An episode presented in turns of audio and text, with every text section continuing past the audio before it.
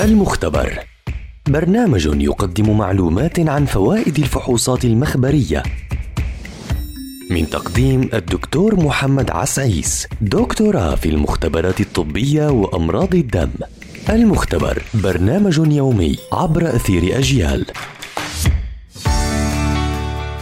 أهلا وسهلا بمستمعي ومستمعات أجيال عبر منصاتها المختلفة. فحص السكر التراكمي. وهو قياس معدل السكر المرتبط مع جزيء الهيموغلوبين داخل كريات الدم الحمراء. يعتبر فحص السكر التراكمي فحص تشخيصي لمرض السكري كما يتم إجراؤه لتقييم التحكم بالمرض لدى مرضى السكري حيث يتم إجراؤه كل ثلاثة شهور حسب عمر كريات الدم الحمراء فيعكس معدل السكر في الجسم على مدار ثلاثة أشهر.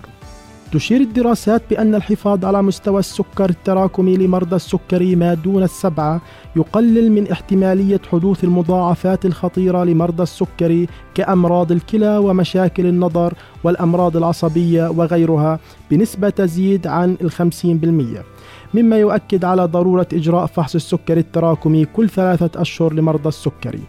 كما وينصح بإجراء فحص السكري التراكمي للأشخاص المعرضين للإصابة به للكشف عن مرحلة ما قبل السكري وهي مرحلة متوسطة ما بين الإصابة بالمرض والوضع السليم.